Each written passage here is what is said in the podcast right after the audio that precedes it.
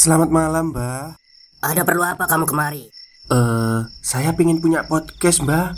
Biar pacar saya makin cinta sama saya. Loh, loh, loh. Mau bikin podcast kok tanya dukun? Sekarang kamu download aplikasi Anchor.fm. Di situ kamu bisa buat podcast gratis dan podcast kamu bisa didistribusikan ke platform mana pun. Dan di aplikasi atau website Anchor.fm juga terdapat fitur-fitur yang memudahkan kamu untuk membuat podcast. Oh, gitu ya, Mbak. Kalau gitu, saya boleh minta password wifi-nya, Mbak. Buat apa? Buat download Anchor.fm, Mbak.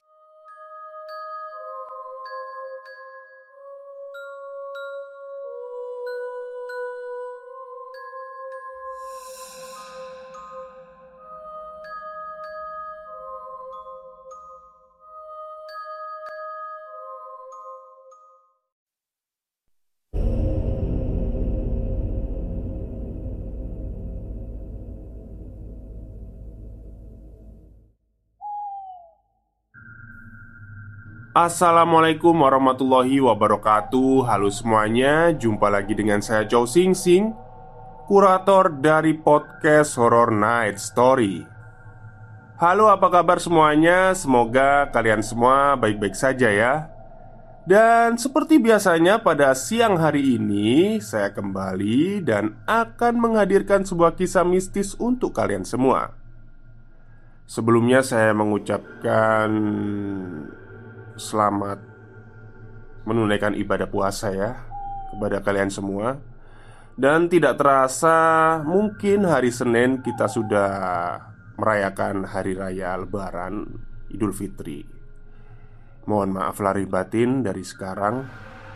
Takutnya saya kelupaan nanti.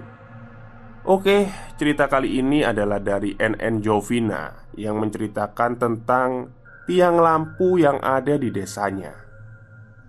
Seperti apa kisahnya? Mari kita simak. Di sini, siapa yang kalau tidur suka matiin lampu? Atau ada yang pernah lihat jalan yang dikasih lampu, tapi lampunya nggak bertahan lama, rusak atau mati, atau kedip-kedip manja kayak di film horor gitu? Gak bermaksud nakutin ya. Tapi kisah ini benar-benar terjadi dan dialami oleh bapakku sendiri. Sekitar tahun 2017 Di RT sebelah mengadakan kegiatan perombakan lingkungan. Setelah kegiatan memasang paving Para bapak dan pemuda merencanakan pemasangan lampu jalan Yang sebelumnya memang tidak pernah dipasang di lingkungan itu ini sangat perlu dilakukan, mengingat tempat itu dekat dengan jalan raya dan pusat pelayanan masyarakat. Tapi entah kenapa, sejak aku kecil di sana emang gak pernah dipasang lampu jalan. Dan saat aku kecil pun sering dikasih tahu sama kakek Kalau lewat gang itu jangan berisik karena di sebelah gang itu ada makamnya. Hanya dibatasi tembok setinggi 2 meter. Gak tahu juga ya kebenarannya. Karena aku pikir kakek hanya menakut-nakuti saja. Oke, kita kembali ke topik. Para pemuda setuju untuk melakukan pemasakan lampu jalan saat malam hari. Dengan pertimbangan agar tidak mengganggu aktivitas warga. Ada sekitar lima tiang lampu yang harus didirikan. Selepas maghrib, bapak-bapak dan pemuda lingkungan sudah bersiap-siap. Mereka berkumpul di rumah Pak RT yang letaknya tepat di ujung gang. Sambil membawa alat-alat yang diperlukan, mereka tidak lupa memanggil teknisi untuk mengatur instalasi listriknya Panggil saja namanya Mas Wahyu. Dia adalah pemuda lingkungan tersebut yang pekerjaannya sebagai teknisi kelistrikan. Kemudian, mereka semua bergotong royong membuat lubang untuk mendirikan tiang yang sudah dipasang kabel dan lampu. Setelah selesai, tiang mulai dipasang satu persatu. Setelah semua tiang berdiri, Mas Wahyu mulai mencoba untuk menyalakan satu persatu lampu jalan itu, dan semua lampu menyala sesuai harapan. Dirasa cukup, mereka kembali ke rumah Pak RT untuk sekedar minum kopi dan makan gorengan. Dalam momen itu, mereka berencana untuk melakukan kegiatan pos kamling, sehingga selain jalan gang itu menjadi terang, masyarakat juga merasa aman. Diputuskan agar keesokan harinya warga berkumpul kembali di sana untuk menyusun jadwal jaga. Setelah musyawarah selesai, semua orang kembali ke rumahnya masing-masing. Keesokan harinya, sama seperti kemarin, para bapak dan pemuda kembali berkumpul di rumah Pak RT. Sebelum dilakukan musyawarah, Pak Wahyu atau Mas Wahyu berjalan ke arah tiang-tiang lampu untuk menyalakan lampu jalan. Satu persatu lampu menyala sempurna, namun tidak untuk lampu keempat Seolah-olah lampu ini kekurangan aliran listrik Sering berkedip sendiri Seperti lampu yang akan mati atau putus. Lalu Mas Wahyu menuju rumah Pak RT Pak, lampunya sepertinya ada yang mau putus. Loh, iya tah? Kenapa mas? Belum sempat melanjutkan bicara Pak RT melihat lampu itu tiba-tiba mati. Walah, belum berhenti ngomong udah mati mas Apa coba diganti bohlam aja ya pak? Hmm, gitu juga bisa mas. Kemudian Mas Wahyu bergegas pulang Untuk mengambil sebuah lampu cadangan miliknya Dengan dibantu warga yang lain. Kemudian Mas Wahyu mengganti bohlam lampu tiang keempat tersebut. Setelah diganti, lampu kembali menyala. Semua orang lega dan kembali ke rumah Pak RT untuk membicarakan jadwal jaga pos. Sesampainya di rumah Pak RT, semua orang serius membagi jadwal jaga pos. Namun, tiba-tiba lampu di tiang keempat kembali berkedip-kedip. "Waduh, Mas, kok berkedip-kedip lagi ya?" kata Pak RT. Uh, coba besok saja ya pak. Saya cek kabelnya. Kalau lampu saya kira nggak masalah deh pak. Soalnya lampunya masih baru. Jawab Mas Wahyu. Walah gitu. Ya udah besok siang kamu cek ya kabelnya. Jawab Pak RT lagi. Jadwal jaga pun sudah diputuskan. Kemudian Semua orang bergegas pulang kecuali yang mendapat giliran jaga pertama waktu itu. Keesokan harinya, Mas Wahyu menepati janji kepada Pak RT untuk melihat kabel lampu yang di tiang keempat. Sebelum itu, Mas Wahyu menuju Pak RT guna mencari teman untuk membantu. Sesampainya di sana, Pak RT menyambut.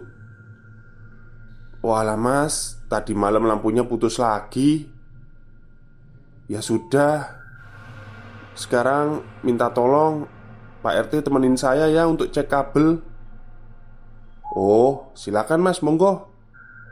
Kemudian Pak RT dan Mas Wahyu Bergegas menuju tiang keempat Yang letaknya persis di samping tembok tinggi yang pernah dibicarakan kakekku itu.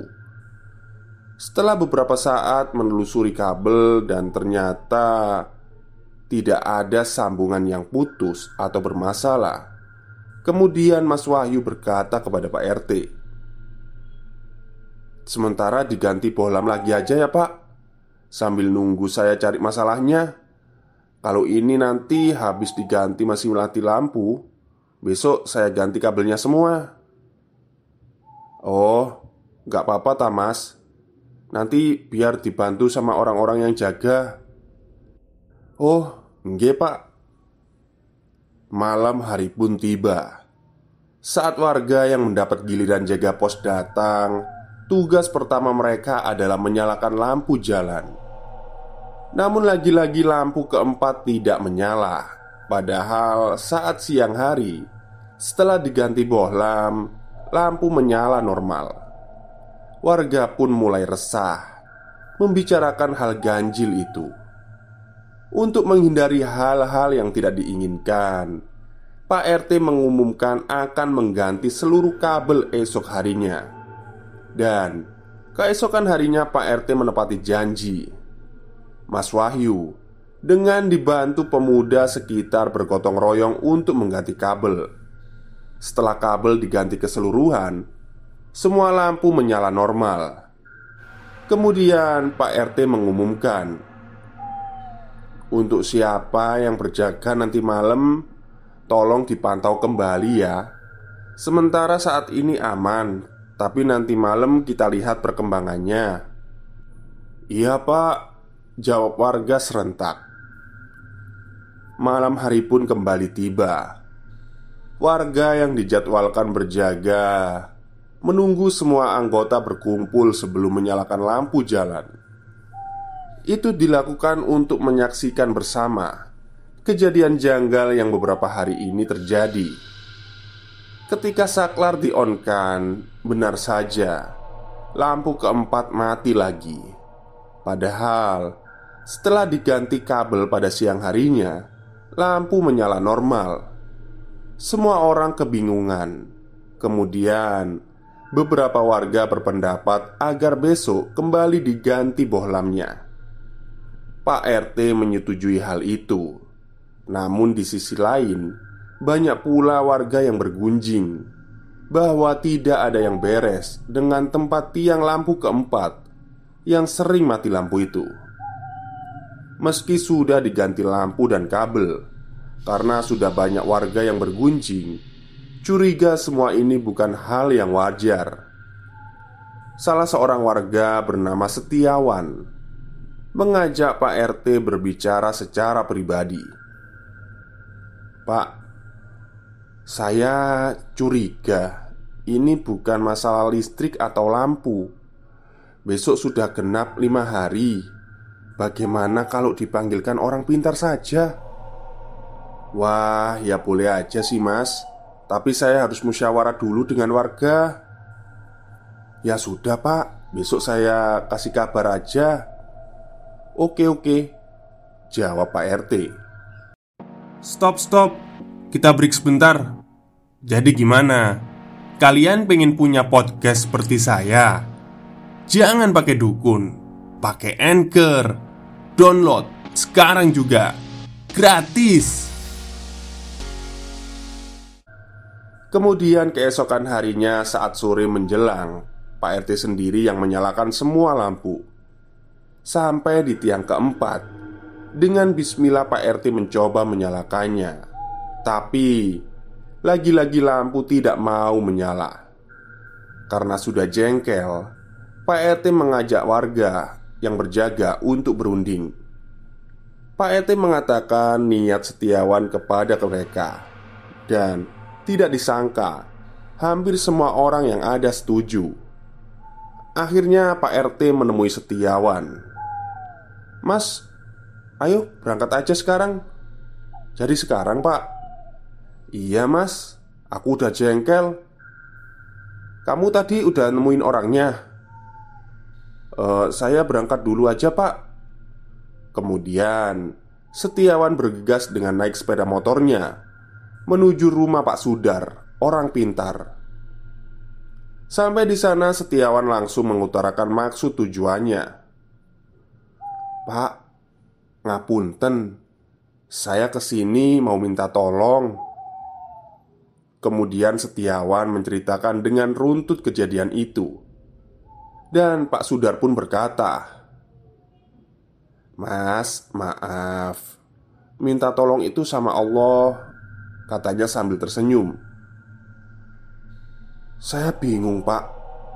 Semuanya juga sudah jengkel Butuh solusi ini lewat bapak saya minta tolong Ya, saya hanya membantu usaha ya mas Supaya Yang Maha Kuasa memberi pertolongan. Setiawan mengangguk. Kemudian mereka berdua bergegas menuju ke rumah Pak RT. Sesampainya di sana, Pak Sudar langsung bertemu dengan Pak RT. Kemudian cepat-cepat menuju tiang lampu keempat. Saat di bawah tiang lampu, Pak Sudar membaca bismillah dan meminta Pak RT untuk berdoa sebisanya. Setelah diam beberapa lama, Pak Sudar terlihat seperti orang yang sedang mengalami sesak nafas dengan tiba-tiba. Pak RT kebingungan. Namun, tangan Pak Sudar mengisyaratkan agar Pak RT tenang. Sesaat kemudian, Pak Sudar bangkit dari duduknya dan berjalan perlahan mengelilingi tempat tiang itu berdiri.